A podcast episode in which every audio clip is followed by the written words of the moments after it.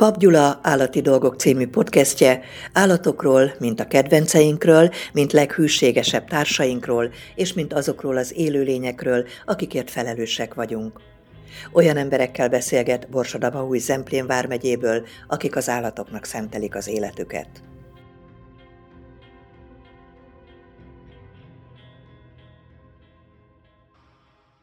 Taskó Józsefet, a Nemzeti Agrárgazdasági Kamara megyei elnökét arról kérdeztem, hogy míg a mezőgazdaságot figyelemmel kísérjük, sokszor érzékenyen reagálunk a, a változásokra, ugyanakkor egy másik ág, a, az állatoknak a tartása, az nagyon függ a mezőgazdaság teljesítményétől. Mit lehet elmondani a, egyáltalán az állattenyésztés helyzetéről ma?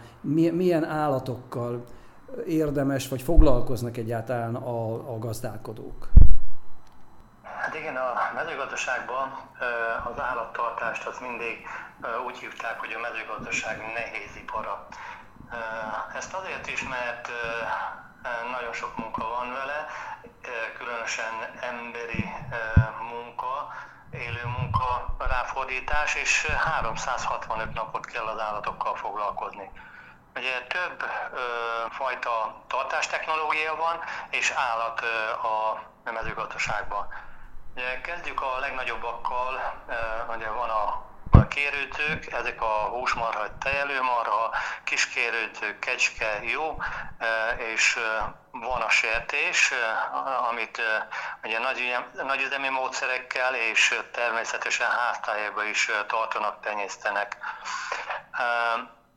És azon kívül vannak a baromfi, ugye ez vízi szárnyasok, és a, a csirke, tyúk, tojótyúk, ennek a tartása is háztáiba is megvalósítható, és nagyüzemi módszerek között. Sajnos a háztáiba az látható, hogy csökkent az állattartási szándék és a kedv. Egyrészt a a nyereségessége. Ugye az elmúlt időkben, amióta globális piacba élünk, ugye az uniós csatlakozással, nagyon sok külföldről beérkező termék érkezik, ami a kis gazdaságoknak a jövedelmezőségét lecsökkentette, ezáltal csak tényleg nagyon elszánt gazdák vannak, akik ebbe bele fognak. Kezdeném a, a nagy kérőzőkkel, ugye a húsmarha meg a tejelő. Ez a húsmarha talán jobban a háztáji gazdaságban, természetesen nagy üzemekben is megtalálható. Egy kicsit egyszerűbb a tartási lehetőség, módja, mint a tejelőtehenészetnek. A tejelőtehenészetnek komoly technológia, technikai hátteret kell biztosítani ahhoz, hogy hogy az működjön és jól működjön. Ilyen minőségi tej előállításhoz szükséges a, a megfelelő fejő robotok, fejőtechnikák, tejkezelési technológia, úgyhogy ez inkább áttért a nagyüzemi termelés oldalára, mert ezek mind nagyon komoly beruházási igényű eszközök, technikák és maga az állattartás is. A húsmarha jobban megtalálható kisüzemekbe, háztáji gazdaságokba, természetesen itt is van nagyobb létszámmal működő gazdaság, ennek a jövedelmezősége, hát az elmúlt évben azt gondolom talán egy kicsit javult, de hát itt az egyik legnagyobb probléma, hogy a, a élő munkának a, az a helyzete, hogy nincs már rájelentkező, meg, meg azok a régi klasszikus gulyások, akik eddig a húsmarha mellé kimentek mondjuk május 1-én, és visszahajtották valamikor október végén, november elején a jószágot, ez, ez már nincsen. Elvileg műszak, műszakban gulyások, természetesen Nyugat-Európában vannak azok a megoldások, hogy a farm körüli legelőkön villanypásztorba tartódik. Hát itt is uh, azt gondolom az egyik megoldás vagy lehetőség ez lesz, ha a villanypásztoros legeltetést meg tudjuk valósítani. Természetesen ez is egy komolyabb beruházást igényel. Sertéstartás. Sertéstartás még jobban előfordul a háztáji gazdaságokba, a kisüzemekbe, de természetesen itt is nagy üzem. Ugye az elmúlt időkben elég komoly betegség jelent meg Európa szerte, de különösen itt Kelet-Európában, az afrikai sertéspest is, ami a háztai gazdaságok meg kisebb olyan gazdaságok, ahol a állategészségügyi nehézségek miatt akár problémát is okozott a sertéspest is, ez miatt egy kicsit csökkent a, a létszám, a háztai sertés létszám. Nagy üzemek azok ugye zárt technik, technológiával ö, működnek, ott, ö, ott azért van jelen pillanatban is ö, állatlétszám. Hallani a hírekbe arról, hogy ugyanez a súlyos fertőzés veszély a madárinfluenza tekintetében fenyegeti a baromfiakat, illetve a szárnyasokat. Igen, természetesen ugye a vízi szárnyasok azok is egy szabadon tartott, nagyobb része szabadon tartott helyen van, és ez miatt a fertőzés oda is bekerül. Hogy elég, hogy egy fertőzött madár elszáll a telep felett, és már meg is történik a baj. Igen, ez, ez sajnos gyakran Európában, különösen mikor elindulnak a vonuló madarak, madarak keresztül kasul Magyarországon is, meg Európán, akkor ez a betegség szintén megjelenik a magyar állat tenyésztésekbe tartásokba. Baromfi tartásnál ugye a tyúkot ki kell emelnünk, vannak a, a hús jellegű tyúktartás, és van a tojó ezek zönybe zárt technológiával istálóba tartsák, természetesen van szabadtartásos tyúktartás is, ugye ezt szokták nevezni a bótokba tanyasi csirkeként, ez a háztályba is működik. Én azt gondolom, hogy a tojás, az Unió arra a nyomásra, hogy hát szörnyű az a ketrecbe tartott állatoknak a, a ott léte, a ketteces tartást próbálja megszüntetni. Amit én azt gondolom, hogy probléma. Nem olyan szörnyű tényleg jó körülmények között tiszta, szellőztetett istálokban vannak ezek kapva, és maga a végtermék, a tojás, ami nagyon fontos, hogy egy egészséges olyan tojást kapunk, ami nem fertőzött, nem szalmonellás, ugye maga egy ilyen telepen mindenféle megoldás, technológia, fertőtlenítés biztosított tud lenni, úgyhogy én azt sokkal egészségesebbnek tartom. És ugyanakkor a, a baromfinak a lelki világa se lehet annyira ö, problémás, hiszen folyamatosan kap táplálékot, ö, kap inni, ugyanúgy kapirgálhat, tehát azért ez egy erőltetett ö, belemagyarázás, hogy, hogy valamilyen lelki negatív hatás van, és emiatt például nem tojnának eleget, mert ez se igaz, hiszen nagyon jól tojnak ezek az így nevelt állatok tudtommal. Így van, így van. Én is úgy gondolom, igaz, én nem tartok, csak én voltam, jártam ilyen telepeken, hogy ottan meg adva minden olyan feltétel a jószágnak, amire neki igénye és szüksége van. Itatás, szellőztetés, hőmérséklet, tartása, minden.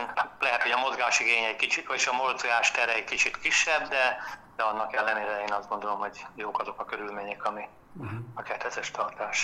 Most az állatok feldolgozásánál is vannak különböző szintek és különböző ö, módszerek, tehát nyilván a háztáiba, hogy levágják a disznót az egy dolog, de a nagyüzemi feldolgozásnak sok ö, szintén befektetés igénye van, meg különböző módszerei, hogy, hogy, hogy hogyan lehet akár a, a szarvasmarhát, akár a sertést feldolgozni.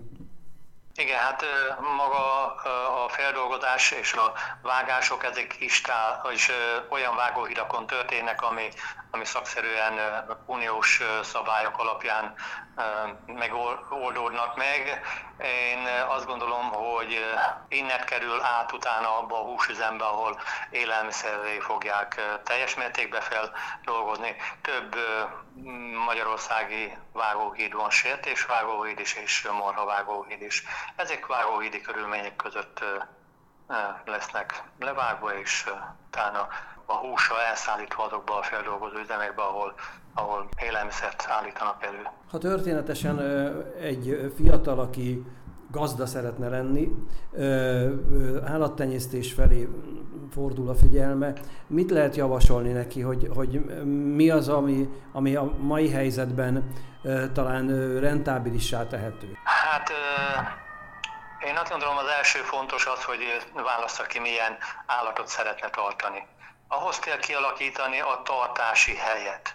Ez vagy pedig hát vásárolni egy olyan telephelyet, épületet, ahol ezt az állattartást meg lehet valósítani. Ahhoz, hogy a körülmények jók legyenek, több mint valószínű, hogy pályázat útján, pályázat alapján lehet állatjóléti, állattartáshoz kapcsolódó beruházásokhoz pályázni, és kialakítani úgy, hogy az az állatok számára megfelelő tartási hely legyen. Hát, hogy milyen állatot tudnánk javasolni? Én azt gondolom, hogy ha kisebb testű állatot, ez mondjuk lehet nyúl, baromfi, vízi, szárnyas, ahhoz nem kell akkora beruházás, mint mondjuk egy, egy húsmarhának, tejelőmarhának, vagy még mondjuk a húsmarha se olyan túl tartási hely igényes, őt nyári időszakban akár szabadon legelőn lehet tartani, téli időszakra kellnek egy olyan tartási hely, ahol azért télen legyen szárazalom, valamilyen védettség neki, olyan istáló és természetesen az etetési lehetőséget meg kell neki oldani. A tejelő az már egy kicsit bonyolultabb, az sokkal nagyobb beruházást és pénzt igényel, mint a többi más állat. Hát a baromfi szintén ugye én azt gondolom, hogy tartási hely kialakítása, istáló, olyan védett hely, ha szabadtartásos tartásban, akkor akár egy udvar is megfelel, de egy istáló az mindenféleképp, ahol az éjszaka vagy a téli időszakban be tud húzódni a, a jószág. Szót ejtettünk az uniós szabályokról. Jelenleg melyek azok, a, amelyek a legnagyobb változást okozhatják ebbe a, a szegmensbe? Hát most én azt gondolom, hogy formálódik az uniós szabály, épp ma volt elnökségünk, kis könnyítéseket látunk eddigi elképzelt szabályokhoz. Ezt, ezt nyugodtan kimerem jelenteni, hogy az elmúlt időszak az Európai Unió számára az volt, hogy a, a mezőgazdaság az okozója annak, hogy a közleti, a, a fölmelegedés majdnem mindent a mezőgazdaságra, ami nem igaz, mert ez több ezer évben keresztül volt mezőgazdaság ezen a földön, és sokkal több állat is volt, mint jelen pillanatban. Ugye különösen a, a marhák gáz kibocsátása okozza a, a légköri problémát. Én azt gondolom, hogy ez egy téves eszme. Az a baj, hogy akik ebben nincsenek benne, azok talán még néha el is viszik ezeket a felvetéseket. Hát az uniós szabályokban ugye pályázatok alapján az állatjóléti lehetőségek azok ott lesznek az elkövetkező időben. Természetesen istálóépítések, technológiai fejlesztésekre az Unió fog lehetőséget adni, vagy nem is tudjuk, hogy még mi lesz, mert ez ma is elhangzott, hogy az Unió ebbe a formájába képes lesz vagy, vagy tud-e tovább működni, mint az elmúlt időkben.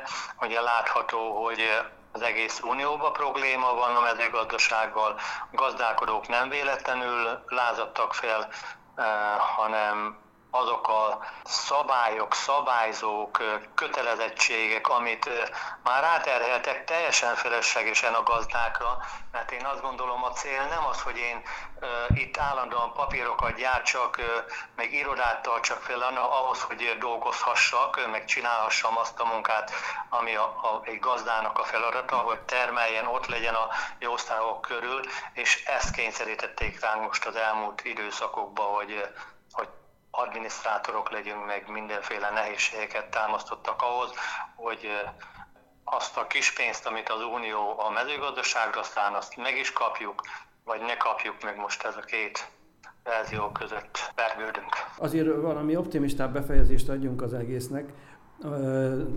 Gyakorlatilag hol lát, látja a kitörési pontokat?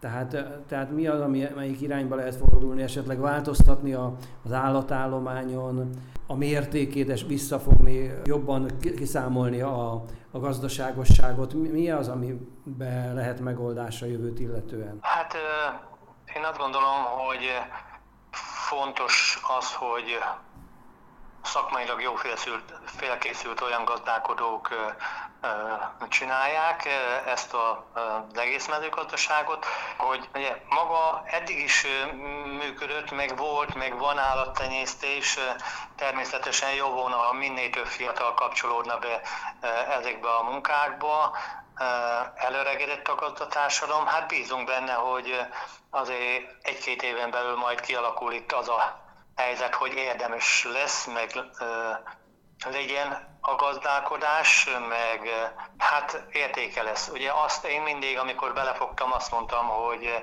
enni mindig kell, és ahhoz meg kell termelni az alapanyagot. Bízok benne, hogy ezután is fogunk enni, fog működni a magyar mezőgazdaság. A szakmai irányításon én azt gondolom nem fog múlni, akár az Agrárminisztérium, a Kamara munkája, benne van, hogy működőképes legyen a jövőbe is a, a mezőgazdaság.